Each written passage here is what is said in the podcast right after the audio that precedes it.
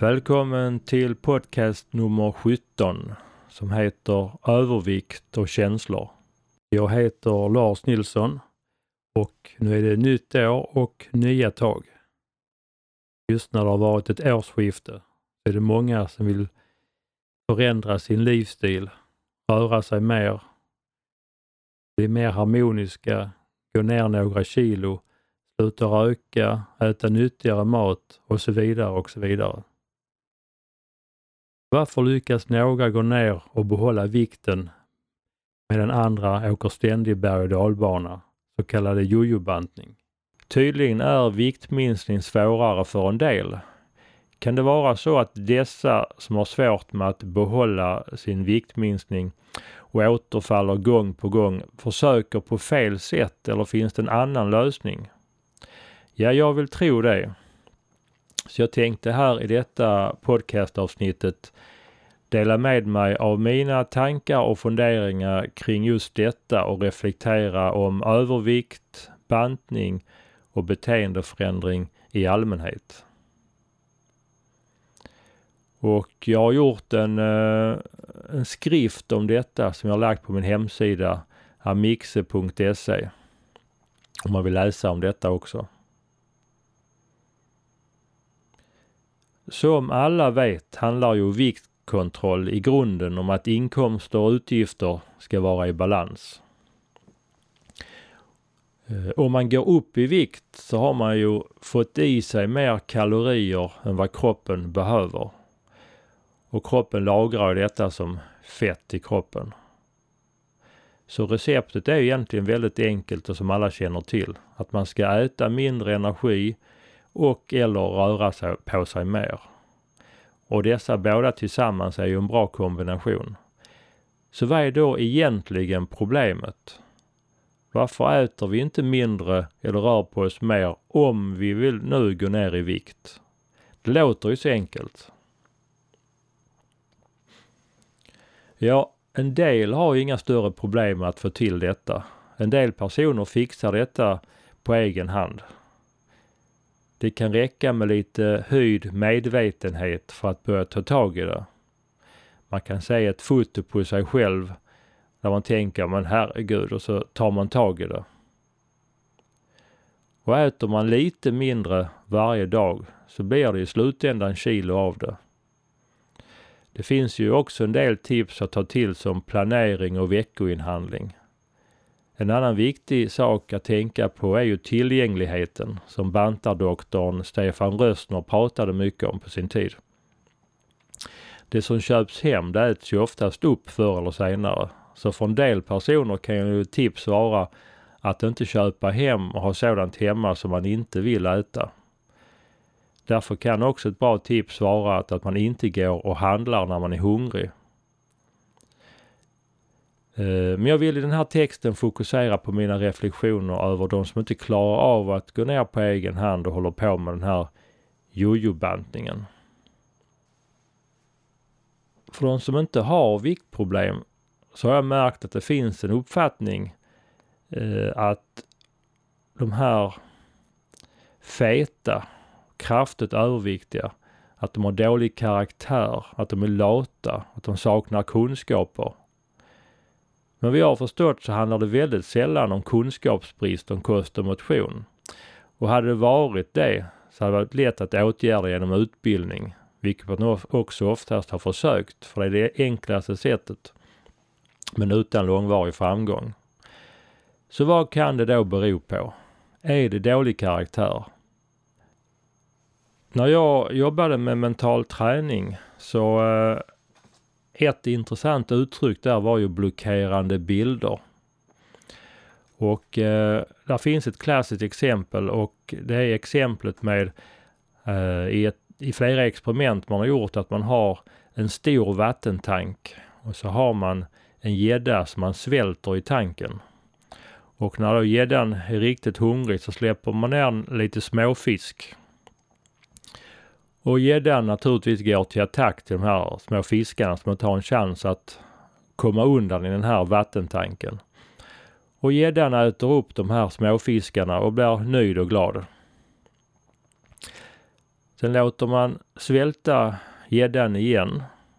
Men vad man nu gör är att man stoppar ner en skiljevägg, en glasvägg, i den här vattentanken. Och i den andra delen som då uppstår, där släpper man ner fiskarna.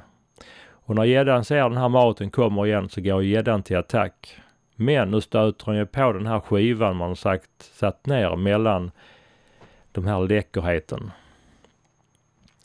Och då slår han ju i nosen gång på gång. För han vill ju komma åt de här småfiskarna som han tidigare har kommit åt. Men nu är det ju hinder i vägen, den här glasskivan. Och till slut kommer gäddan i ett läge där han känner att det går inte. Nu går det inte att fånga de här fiskarna längre. Och det kallas att man fått en blockerande bild att det inte går. Och det intressanta i experimentet är att när man har väntat tillräckligt länge och gäddan har gett upp, lyfter man då bort skiljeväggen så att småfiskarna simmar runt i tanken igen och är tillgängliga för gäddan. Så tar han inte dem, för han har fått en bild av att det går inte att äta upp de här småfiskarna längre. Och det går så långt så att gäddan svälter ihjäl. Naturligtvis finns det ju några gäddor som i något experiment gör ett sista försök en gång till och då upptäcker att nu går det och klarar situationen. Men det är inte alla som gör det. Så det är viktigt med det här vad man har för blockerande bilder. Var och en kan själv fundera över vad finns det för någonting som jag tror inte går eller som är väldigt svårt. Och jag tror att en sån blockerande bild som finns hos en del överviktiga är att det inte går. Och en annan blockerande bild det är en inställning och tro på att de skyller på sina gener. För att det är alltid bra också naturligtvis att ha något att skylla på. Jag såg en eh, dokumentär för en del år sedan där man hade kraftigt överviktiga barn på bantningsläger i USA. Oftast var även barnens föräldrar överviktiga och föräldrarna förklarade nästan uteslutande att orsaken till just deras barn och sin egen övervikt, det berodde på generna. Och barnen hade ärvt deras gener. Så generna var liksom det man skyllde på. Och det är klart, eh, då har man en form av blockerande bild och varför försöka när, när liksom man har fel gener? Men i den här dokumentären så visade man att man hade låtit gentesta alla barnen på det här lägret. Och resultatet visade att det var bara cirka 5% av barnens övervikt som kunde förklaras av generna. Det vill säga de flesta barnens fetma berodde på livsstil, inte på gener.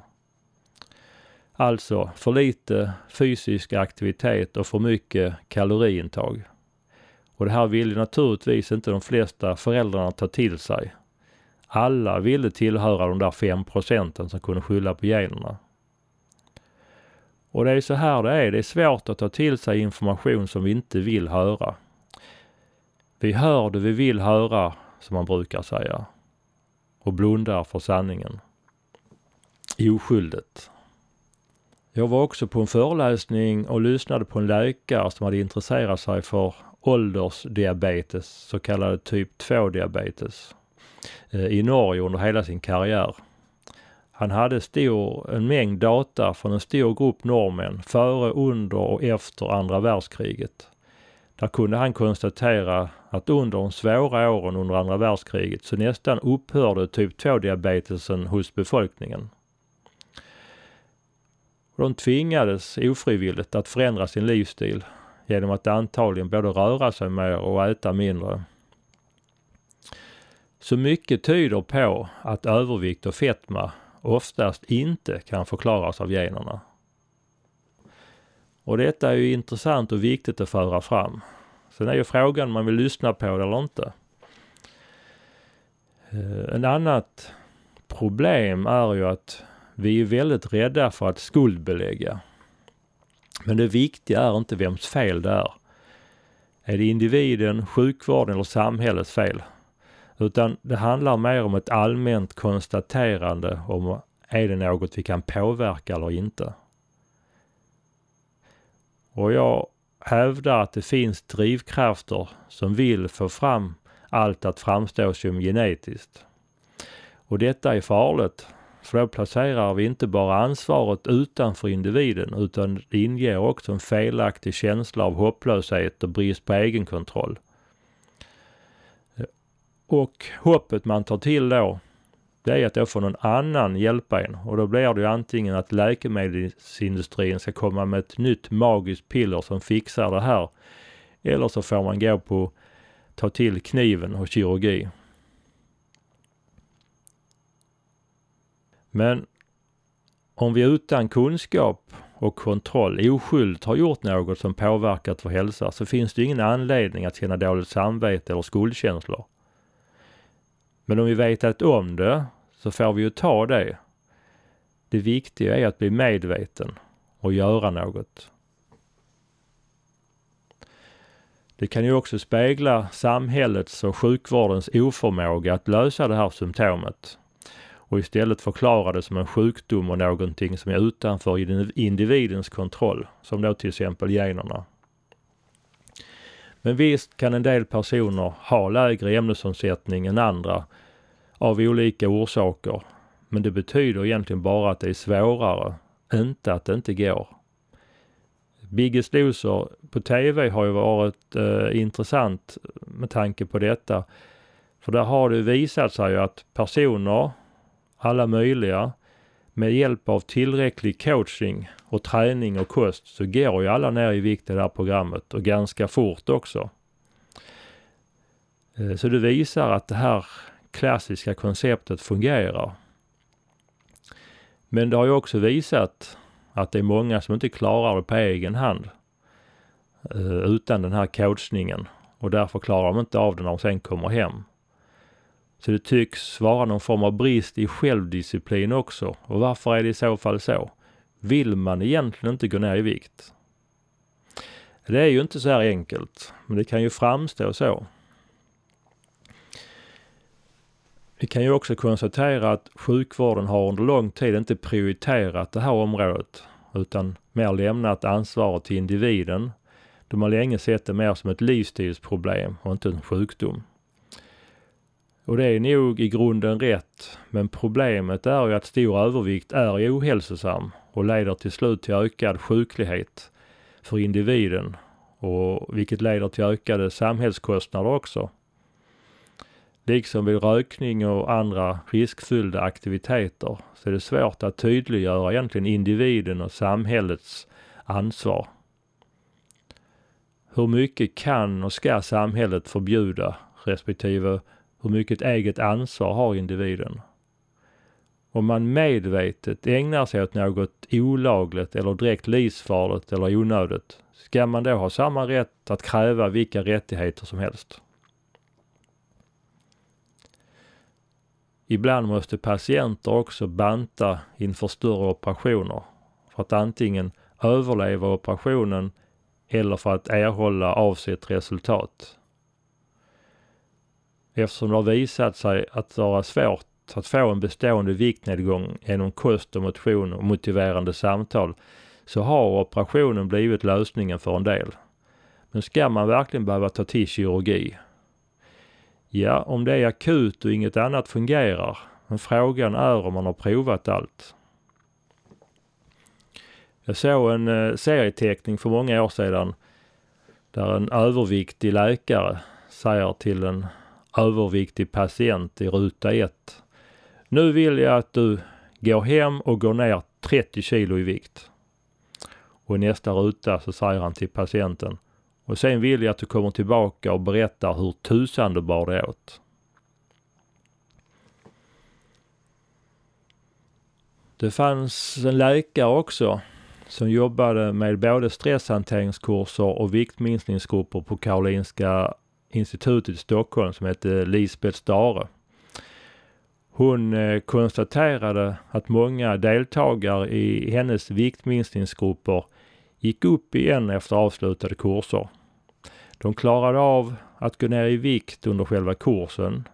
Antagligen på grund av den här coachningen från ledaren och grupptrycket. Men ofta klarade inte deltagarna att behålla sin vikt på egen hand efter kursen.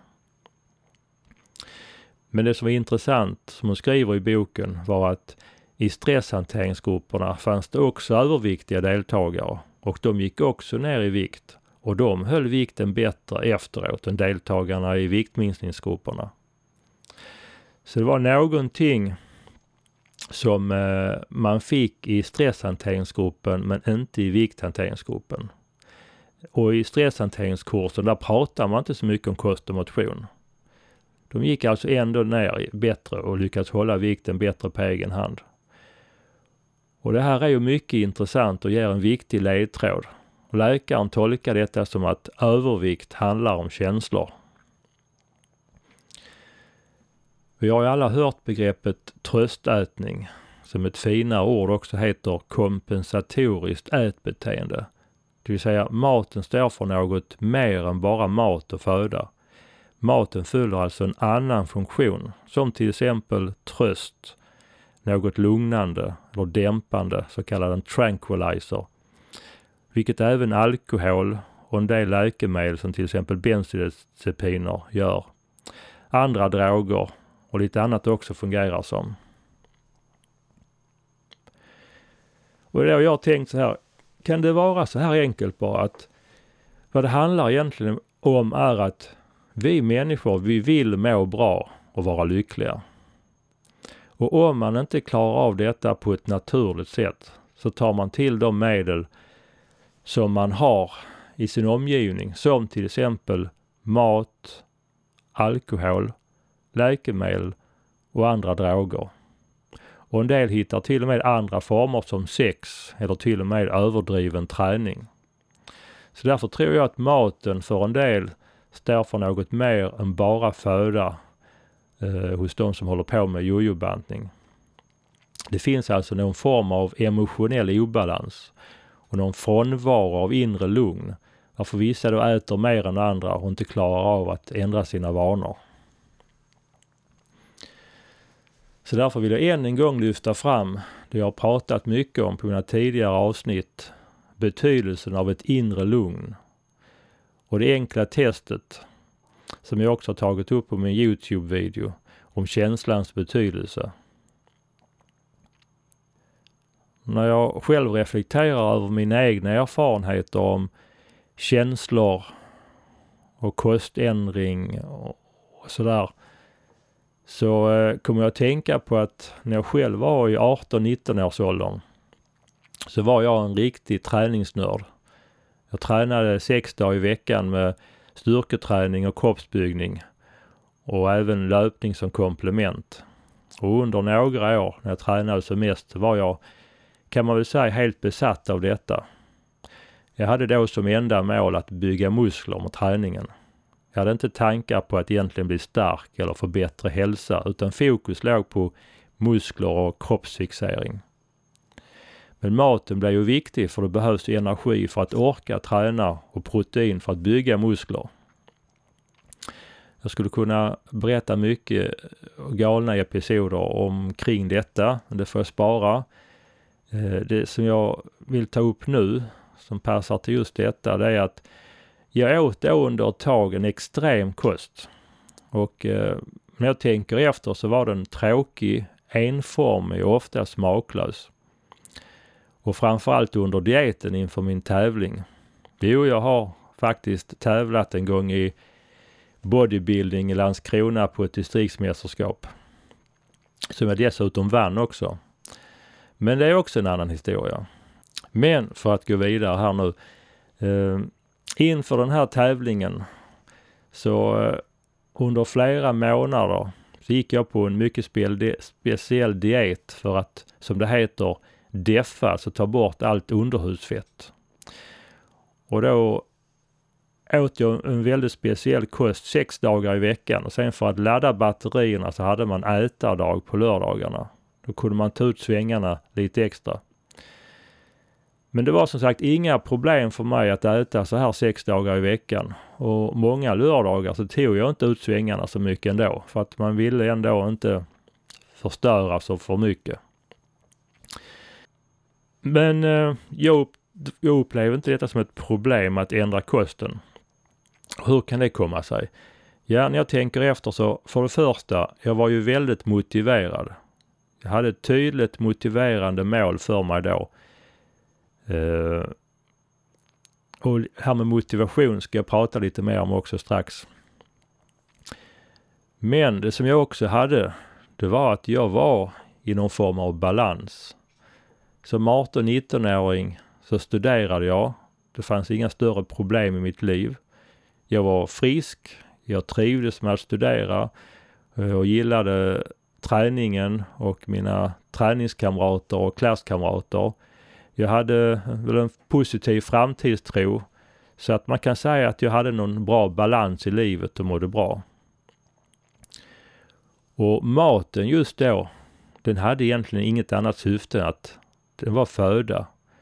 Det var varken ett njutningsmedel eller något tröstätande. Visst uppskattar och uppskattade jag och njöt av god mat.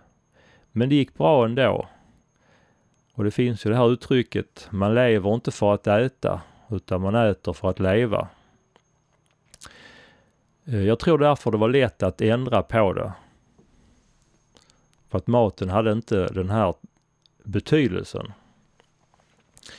Men om jag istället nu tänker på en person som har någon form av emotionell ohälsa och obalans.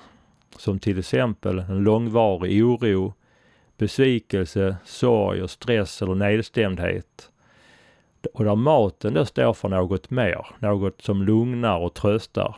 Tänk er då vad som händer när man plockar bort den här trösten och försöker ändra på detta. För den här effekten man är ute efter, själva trösten och tranquilizern, den kräver ju just att man överäter. Själva lugnet och dämpningen kommer av att äta sig ordentligt mätt. Jag tror att alla läsare kan känna igen att de har erfarenheter någon gång av detta. Hur det känns efter att ha ätit en stor portion mat. Eller godis, snacks eller även alkohol för den delen. Eh, förutom att man kan känna sig för mätt och må dåligt av det, så finns det också någon form av skön avspänning. Precis som man kan få efter ett hårt motionspass också, eller sex för den delen. Jag har ju själv kommit på mig många gånger att när jag har ätit eh, snacks och annat eh, och mycket chips en, eh, en lördagkväll så kan man få en viss eh, dämpningseffekt av detta. Därför är det väldigt viktigt att man lyssnar på kroppens signaler som mättnadskänsla och att lära sig skilja på hunger och sug. Man kan vara sugen på lite sött eller annat gott. Men man är uppmärksam på detta så försvinner suget efter en stund genom att låta bli. Men skulle man ta lite så triggas vi lätt igång. Antagligen är det så att det här sötsuget, det är oftast en signal om att blodsockret börjar sjunka när kroppens eh, socker och kolhydratlager börjar ta slut i levern. Och kan man stå emot det här en liten stund så ställer kroppen om sig till fettförbränning istället och bildar blodsocker ur fettet och då försvinner suget.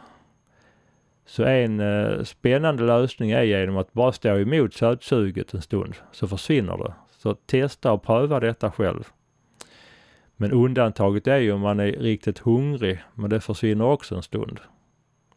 Men nu är det ju många idag och pratas mycket om sockerberoende och då är det en helt annan sak. sak. Det sägs ju att vitt socker är minst lika beroendeframkallande som heroin. Eh, och det har talats mycket om sockerberoende. Och menar när jag var liten så fick jag och min syster dela på en läskflaska, 33 centiliter. Och nu ser man ju ungdomar och vuxna också för den delen som kan dricka flera liter läsk om dagen. Så snacka om sockerbomb. Uh, ja, jag skulle egentligen hålla mig till bantning nu men allt hänger ju ihop. Och innan jag fortsätter så måste jag nämna lite grann om varför vi ska äta mindre socker och stärkelse. Vanligt socker består av en molekyl som heter sackaros. Och den spjälkas i kroppen till två enklare sockerarter som heter glukos och fruktos.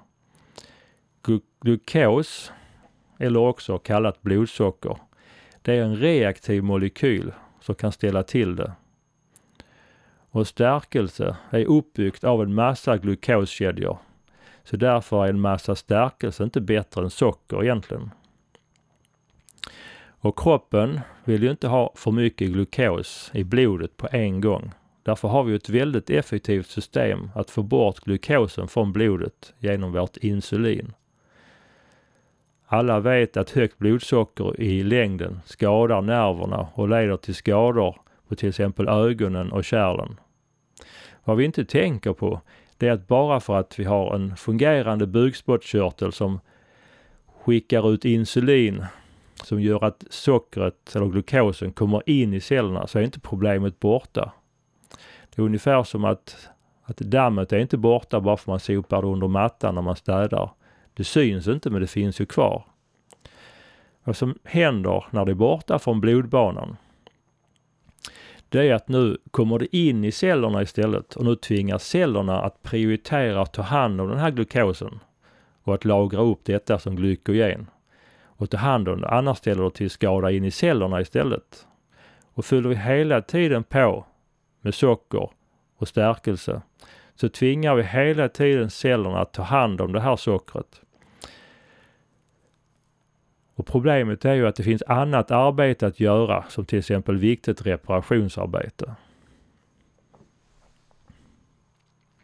Så genom att tvinga cellerna att hela tiden ta hand om socker så får vi ju ett sämre underhåll i cellerna, vilket på sikt kan leda till problem i cellerna som i sin tur kan leda till mindre fungerande celler och ohälsa i längden.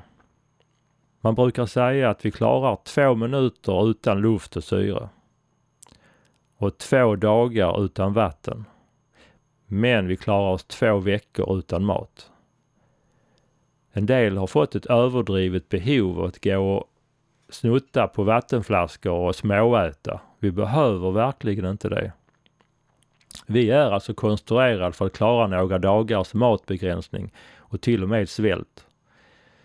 Ett sätt att testa hur sockerberoende man egentligen är, det är att äta lite mindre än vanligt och försöka att undvika allt med sött och stärkelse. Som bröd, flingor, frukt, glass, läsk, juice, godis, snacks, kakor, pasta, potatis och ris under en dag. Du kan äta kokt och stekt ägg, fisk och kött i alla former, grönsaker och nötter. Undvik stora portioner. Klarar du inte detta utan att bli väldigt rastlös och orolig är det tydligen en signal på att du har en form av sockerberoende. Uh, ja, tillbaka till jojobantningen. Ibland pratas det mycket om bristande motivation. Motivation kan ju sägas vara energin och drivkraften till förändring.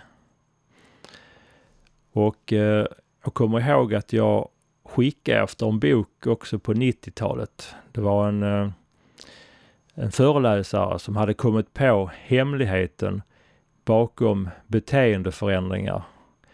Och eh, bara för att vi skulle ta del av alltihopa så hade han gått till en studio och spelat in alltihopa. Så att jag skickade efter eh, ett antal, det var en 6-7 kassettband eh, där han skulle avslöja den här hemligheten. Jag lyssnade på de här kassettbanden med spänning. Eh, väldigt mycket snack. Eh, men det går att sammanfatta det här väldigt, vad han hade kommit på som var hemligheten. Det var att det var motivationen som var hemligheten till beteendeförändring. Han menade på att om man inte har tillräcklig motivation, som då är själva energin, så kommer ingenting att hända. Och eh, han eh, menade att när vi ska göra någonting, vad som helst egentligen, så kan man bara känna efter i kroppen och fråga sig själv, hur mycket känner jag för att göra detta? Och då menar han att om man på en 10-gradig skala svarade under 7 så blir det antagligen inte gjort. Men däremot om man känner 8, 9, 10 då blir man lite självmotiverande och självgående. Och visst, det ligger väl mycket i detta. Utan motivation Eh, så gör man inte så mycket. Om man inte känner sig motiverad för någonting, då bryr man sig inte göra någonting åt det.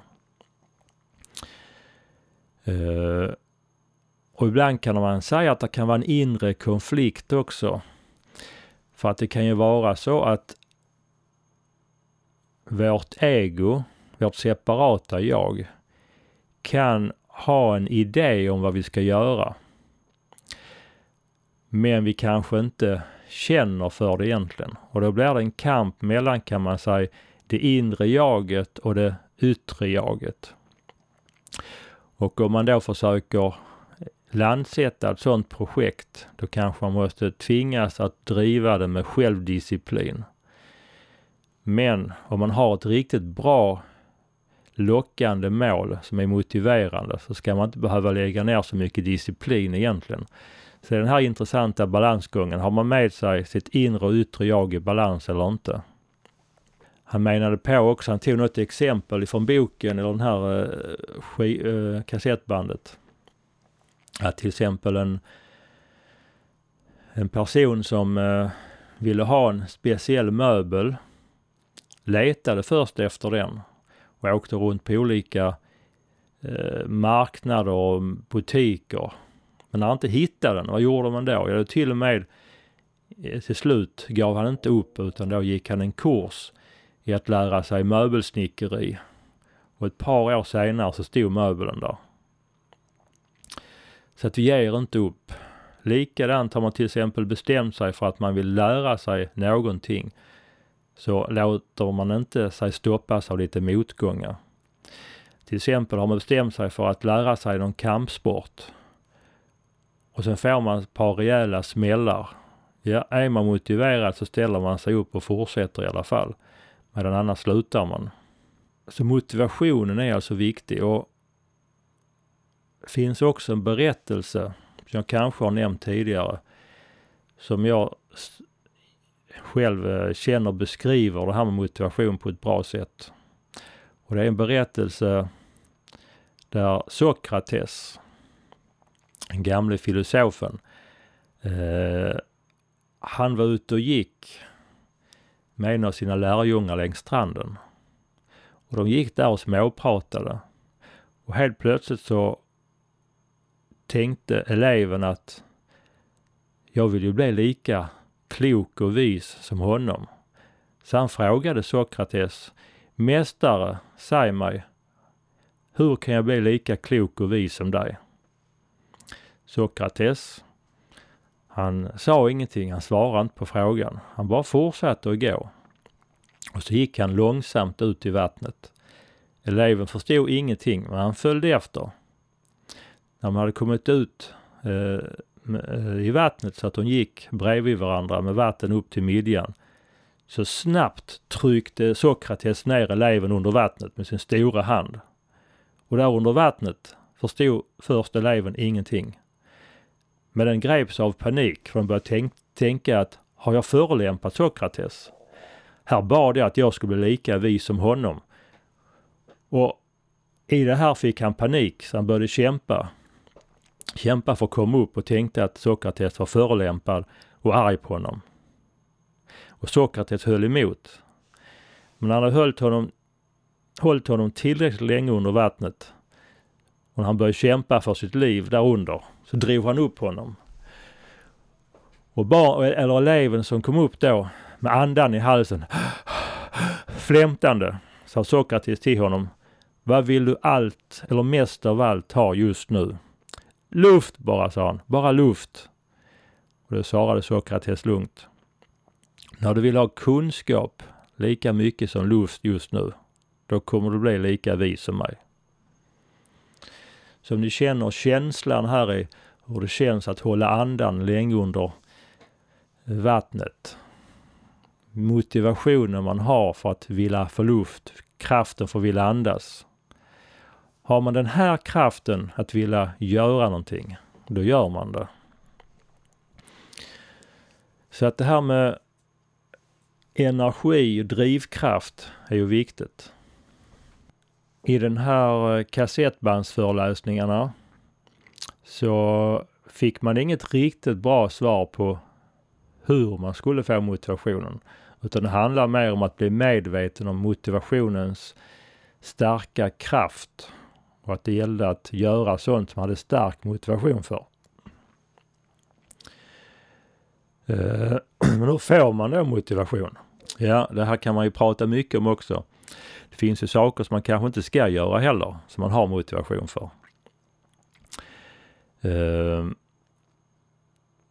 Men när jag har jobbat med motiverande samtal så kan man säga att i det motiverande samtalet eh, då handlar det om att låta eh, personen som ska bli motiverad att själv få tänka fram och komma fram med fördelar och respektive nackdelar.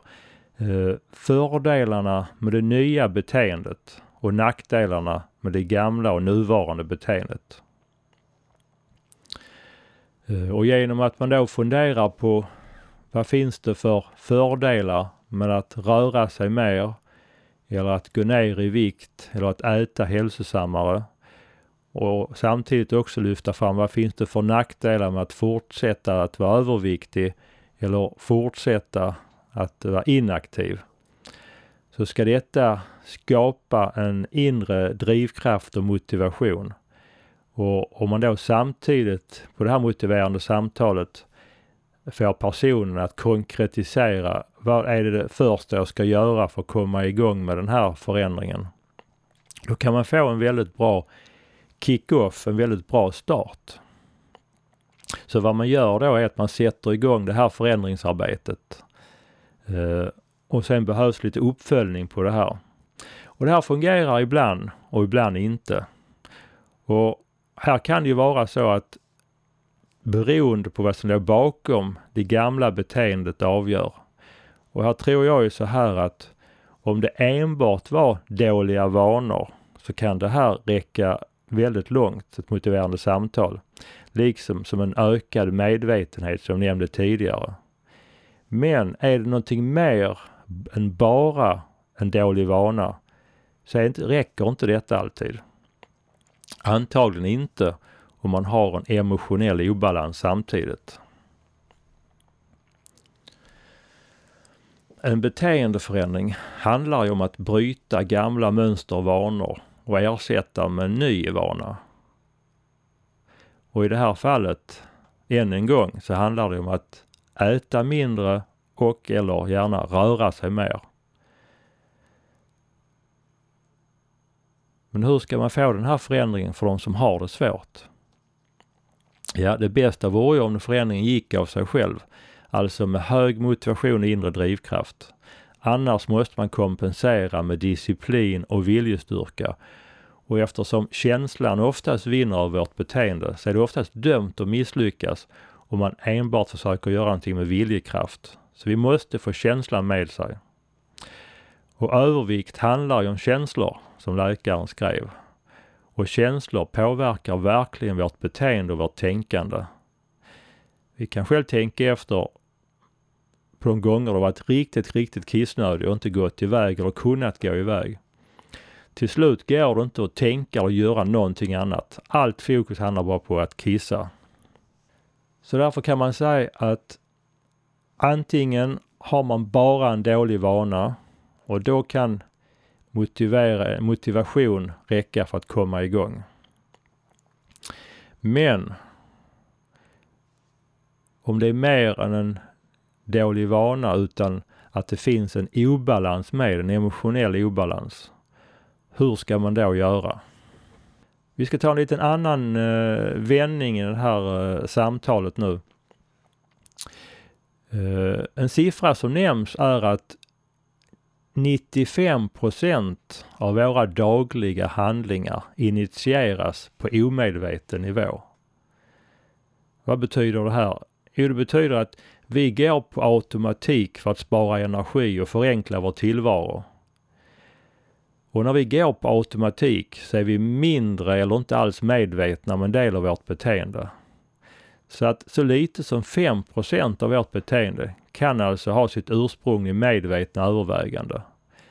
Och 95% går alltså på automatik. Och hur ska vi då kunna ändra vårt beteende?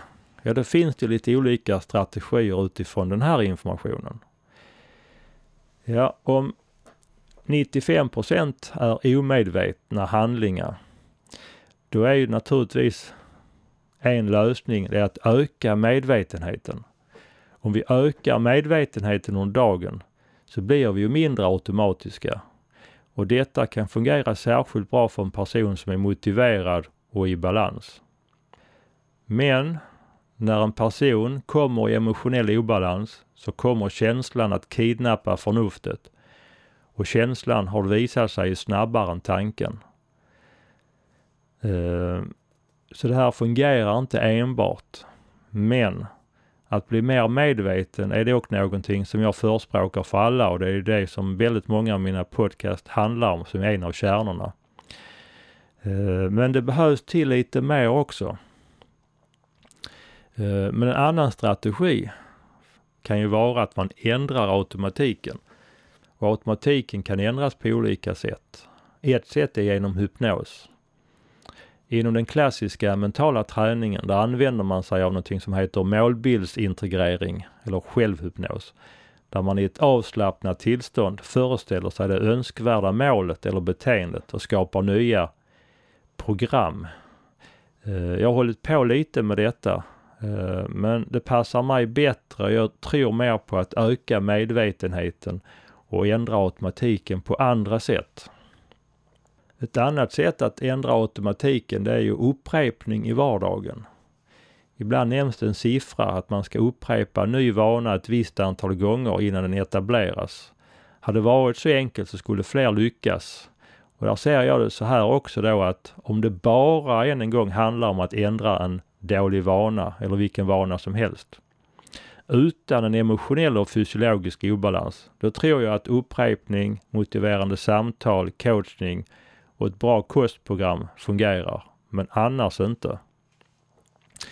Så vi kommer tillbaka till det här, det beror på individens balans och vad det är för beteende som ska ändras. Ett tredje sätt att ändra själva automatiken, det är att transformera obearbetade minnen. Finns det obearbetade sår och minnen i vår ryggsäck eller smärtkropp så kommer, när dessa aktiveras, att återskapa obearbetade eh, minnen och obalanser från tidigare erfarenheter. Eh, och de här gäller att försöka lösa upp. Om man då med ett fint ord kan säga att man, om man transformerar de här specifika minnena som inte är läkta så kan man minska de triggers och minnen som skapar obalans som påverkar vår automatik och livskvalitet. Och det här är ett mycket viktigt, intressant och spännande område som snart står på tur i mina kommande podcast. För skapar vi ett inre lugn så försvinner ju själva drivkraften till att vilja tröstäta. Kvar blir då vanan som kan ändras genom ökad medvetenhet. Det handlar än en gång om att lära sig förstå och hantera sitt sinne. Om man har en emotionell obalans så är det för de flesta dömt att misslyckas att företa sig en livsstilsförändring som bygger på viljekraft. Så mitt recept är, med min övertygelse, först emotionell balans. Emotionell balans skapas genom att bli medveten, hantera sitt sinne och förstå hur vi kan transformera obearbetade sår. Och här kan andningen vara till stor hjälp i början. Dels som ett sätt att bli mer kroppsmedveten, att börja träna sin uppmärksamhet samt att få en lugn rytmisk andning som hjälper till att stabilisera nervsystemet. Det är därför som jag har lagt till har lagt upp tre avsnitt om andning och andningsträning på min hemsida. Och jag har nu gjort en sammanställning.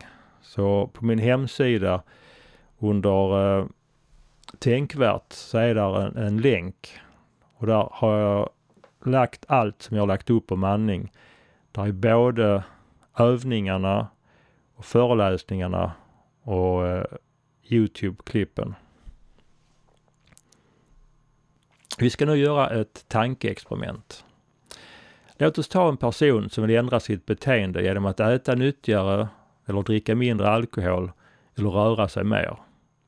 Den här personen bestämmer sig en dag när den är i balans och med full insikt att nu vill jag ta tag i mitt liv. Jag vill verkligen ändra mitt liv. Jag känner att jag behöver röra mig mer och så vidare. Och jag tror alltså en person kan vara, när den är i balans, medveten om att den behöver ta tag i detta. Och just i det, vid det tillfället, när den bestämmer sig för detta, kan den också vara högt, högt motiverad och till och med ha en, eh, siffra över sju som jag nämnde tidigare. Och då när den här personen är i balans så inser den att det är svårt att hålla det här kanske. Så att den använder sig då av en påminnare. Så att eh, för att påminna sig själv om det här beslutet, ifall den skulle glömma bort eller tappa motivationen, så sätter personen upp lite påminnare i sin omgivning. Så tänk dig nu att personen sätter en lapp på kylskåpet där det står att jag ska bara äta nyttigt på vardagar. Och så sätter man en lapp på vindunken där det står att jag ska endast dricka lite vin på helgerna. Och sen kanske man sätter upp en lapp på ytterdörren också som en påminnare om att, att jag ska gå långpromenad vissa dagar. Om det nu bara handlade om motivation och att ändra vanorna så skulle detta säkert fungerat. Men vad händer? Föreställ dig nu att det händer något i den här personens liv. Om personen inte har lärt sig hur man ska hantera och förhålla sig i livet, i situationer och sina känslor, så kan ju det hända någonting och så reagerar personen med en känsla av oro, ensamhet, känna sig misslyckad, ful eller fet, att den är värdelös, känner sig besviken, irriterad, sviken, nedstämd och så vidare. Vad gör personen då? Ja, då är vi tillbaka här att vi människor, vi vill må bra. Vi vill inte ha de här känslorna. Då vi tar oss upp ifrån det här. Och då gör man antingen det man brukar göra för att må bättre och automatiken kopplas på. Personen går mot skafferiet eller kylskåpet för att hämta sig något gott och sätter sig i tv-soffan och dricker och äter. Och eh, den här lappen som sitter på kylskåpet eller vindunken, den skiter man fullständigt i. Så att i den här situationen, än en gång, vi drivs av våra känslor. Vårt beteende styrs inte av förnuftet. Vi tänker alltså endast klart när vi är i balans och har ett lugnt sinne. Och det är endast när vi är i balans som vi har förmågan att tänka och handla klart. När vi kommer i en emotionell obalans så tänker vi alltså mindre klart. Vi kidnappas av våra känslor som styr vårt beteende. Så vi kommer då att automatiskt styras av gamla program. Så övervikt handlar mycket om känslor. Tänk er själva att man står där, känner besvikelse, man känner sig värdelös, misslyckad och man behöver någon tröst. Och så går man till kylskåpet och så sitter där en lapp där det står att du Lars, du ska bara äta nyttigt på vardagar. Så är det tisdag kväll. Ja, man skiter ju fullständigt i det. Alltså, man måste först komma i balans. Sammanfattningsvis vi har alla ett behov och en längtan efter att vilja känna lugn, lycka och kärlek. Många menar att just inre lugn, lycka och kärlek, det är vår sanna natur. Men genom att vi har identifierat oss med och förlorat oss i våra tankar så är vi tillfälligt separerade från det och därför har vi en så stark längtan att komma tillbaka till oss själva och hitta tillbaka till den vi är. Eh, så vi kan helt enkelt slippa den här emotionella obalansen och onödiga lidandet genom att hitta oss själva. Att förstå vem eller vad man är och lära sig förstå vårt sinne. Och om vår innersta natur är sån här och vi har tappat kontakten med det, då är det inte så konstigt att vi har sån stark kraft att vilja komma i balans, att vi tar till alla möjliga former av beteende för att återförenas. Även om så bara för en kort stund.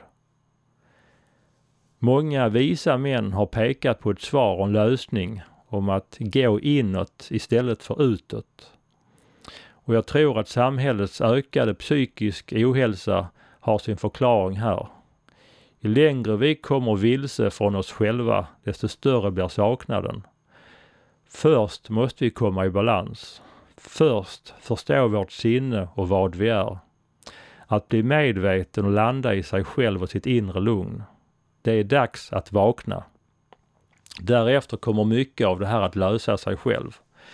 Och därefter blir det en helt annan sak att göra en beteendeförändring.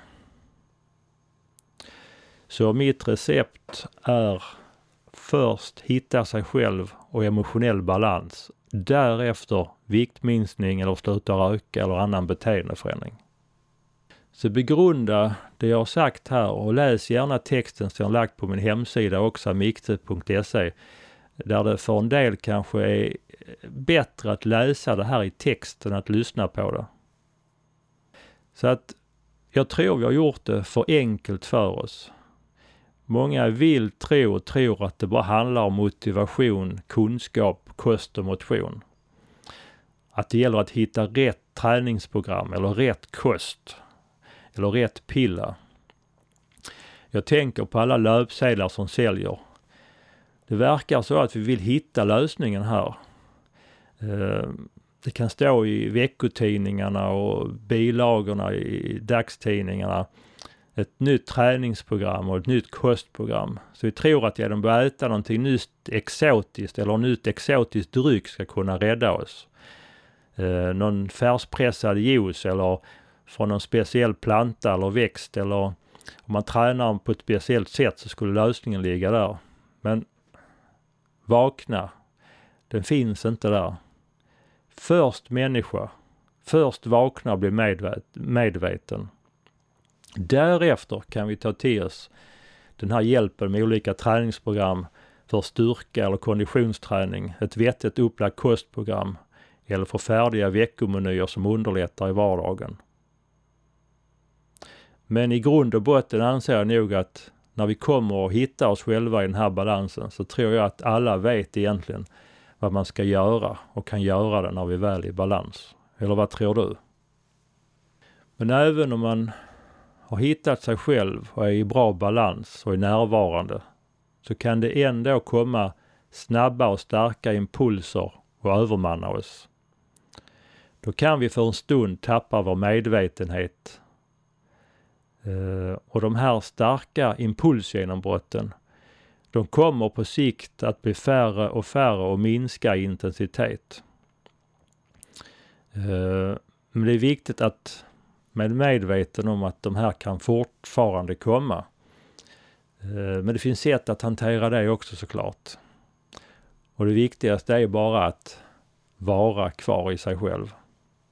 Det här avsnittet verkar bli väldigt långt. Ehm, jag har lite extra reflektioner här som jag hade i min text. Jag tänkte ta dem ändå, så får vi se ifall jag klipper det här i två delar. En annan förklaring som kan ligga bakom övervikt, tröstätande och alkoholism, det är att det skulle vara ett flyktbeteende och att det finns existentiella problem. Det finns de som menar att många människor vågar inte möta sig själv och livet.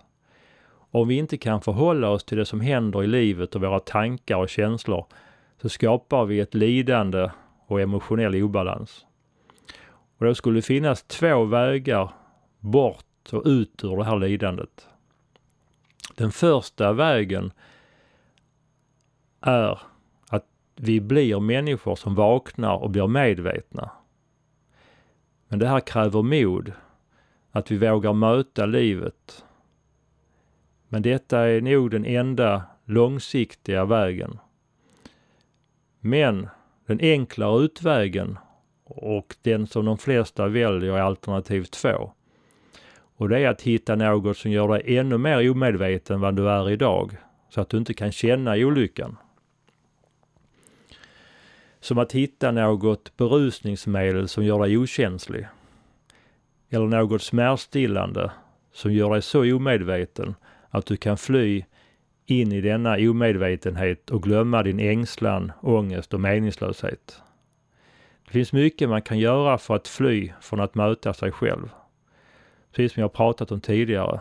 Allt ifrån alkohol och droger till mat, spel och sex och att fly in i arbete och tv-tittande och även andra hobbys. Allt för att sysselsätta uppmärksamheten på något annat. Något annat än sig själv eller själva problemet som man varit med om i livet.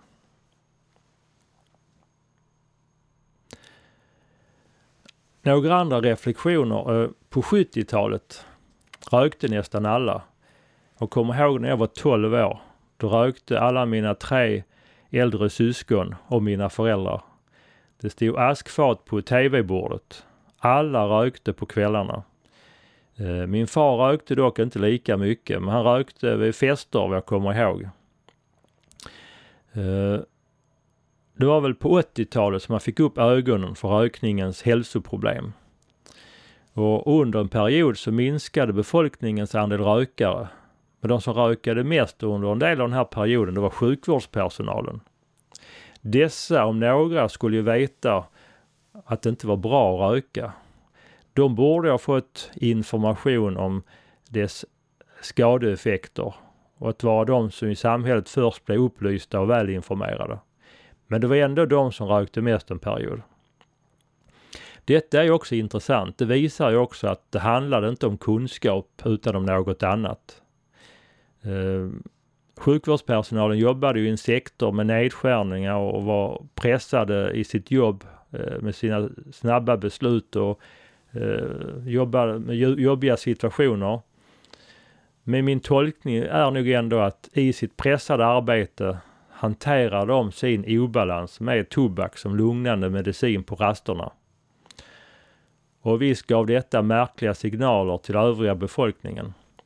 Och då kan det inte, kanske inte vara så konstigt att allmänheten resonerade som att om nu min läkare röker så kan det inte vara så farligt för mig heller. Eh, så det är viktigt det här med att vara ett föredöme. Och hur tänker ett barn när föräldrar förklarar en sak och sedan ser hur föräldrar, vuxna och samhället gör tvärt emot och inte bryr sig? Eh, vi säger till våra barn att vi ska inte bråka eller slåss och vi säger till barnen att vi måste ta hand om vår natur. Vi säger att det är viktigt att äta nyttig mat och vi säger att man ska ta hand om sina djur och allt levande. Men vad är det vi ser i dagstidningar på TV? Är det krig, reklam för onyttiga drycker, djurmisshandel, rån, mord, överfall? Vi lever i en galen värld. Det är inte konstigt att ungdomar som växer upp eh, kan eh, få, mot, få väldigt motstridiga signaler och svårt att kunna hantera detta. Jag har inte följt med all forskning de senaste åren men eh, början av 2000-talet så hade jag en arbetsplats på Kulturum i Jönköping som är landstingets utvecklingsenhet. Eh, jag skrev det på en forskningsplan och det var meningen att jag skulle forska deltid inom apoteket på en egenvårdspedagogik som skulle kunna leda till ökad hälsa och livskvalitet och därmed ett mindre behov av läkemedel. Eh, den här forskningsplanen blev nästan färdig och den ligger med referenser på min hemsida mixe.se under arkiv och även på min blogg. Eh, läs gärna den ifall ni är intresserade mer om just samband mellan tanke, känslor och fysiologi. Eh, men på Kulturum, där jobbade även en forskande distriktsläkare från Habo. Han hette Hans Lingfors och han var en av initiativtagarna till det som kom att kallas fysisk aktivitet på recept. Eh, han berättade om att det mest kostnadseffektiva som vården kunde ägna sig åt, det var rökavvänjning. För varje investerad skattekrona så får man alltså mest tillbaka i ren samhällsvinst genom rökavvänjning. Om man jämför med andra insatser och även läkemedelsbehandlingar. Så rökavvänjning, det är mycket mer kostnadseffektivt att ägna sig åt än att behandla högt blodtryck och framförallt blodfetter med statiner.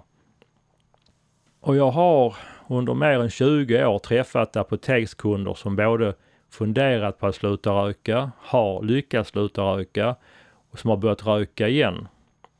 Det som är intressant är att en del personer har rökt mer än en ask om dagen i över 30 år, sedan kan de bara lägga av tvärt, utan problem eller abstinens. Och andra slutar röka med hjälp av nikotinläkemedel och har sedan dess inte kunnat sluta med detta. Och visst är det hälsosammare att ta nikotinläkemedel än att röka. Men man har inte lyckats bli kvitt beroendet. Det hade varit väldigt intressant att studera detta närmare. Eh, de personer till exempel som har lyckats sluta tvärt, har de bara varit rökare som rökt av gammal vana och som inte längre har haft kvar något behov av något lugnande? Och har de som inte kunnat lägga av med nikotinläkemedlen eh, har de haft kvar sin tröst, sitt lugnande behov. Eh, kanske har några av dem som i och för sig slutade tvärt med tobaken ersatt tobaken med något annat substitut. Det jag nu tänker på är eh, Gary Craig som utvecklade TFT till EFT som står för Emotional Freedom Technique i USA på 90-talet. Eh, när han skulle testa sitt koncept på olika personer med olika problem så kom han bland annat i kontakt med en grupp eh, AA, alltså anonyma alkoholister eh, i USA. Han bjöd in sig till ett AA-möte för att erbjuda dem sin hjälp eh, till de som fortfarande hade kvar lite craving, alltså sitt begär av att vilja dricka alkohol. Och han erbjöd sin teknik att vilja eh, erbjuda dem sin hjälp. Eh, men en av deltagarna ställde sig upp och sade att de behövde ingen hjälp. Alla i den här gruppen, sa han, har nu varit utan alkohol en viss period. Men vad Gary Craig såg var att ingen av dem hade blivit av med den inre oron, den inre obalansen. De hade förvisso slutat med alkoholen, men de fortsatte alla att kämpa och hade överfört den här tröstande behovet, behovet av tranquilizer till andra mindre socialt problematiska beroende som kaffe och tobak. Eh, Gary sa att i den här lokalen så stod det dubbla kaffekokare och de flesta under den tiden han var där, de bälgade kaffe och kedjerökte. Så den bakomliggande orsaken till deras tidiga alkoholbruk var inte löst. Uh, ja, så det här var uh, lite tankar omkring uh, övervikt och känslor. Ja, om du har lyssnat så här långt, hela det här långa avsnittet, så hoppas jag att du har fått ut något av det, att du har funnit avsnittet tankeväckande, att det har gett dig reflektioner och lite aha-upplevelser. Eh, och då är min önskan att du inspirerar någon annan i sin tur att genom att dela med dig av det här, tipsa vänner, bekanta och dela gärna eh, på Facebook tipset om min hemsida amixe.se. Ja, vi ses om några veckor igen då vi fortsätter den inre resan. Ha det!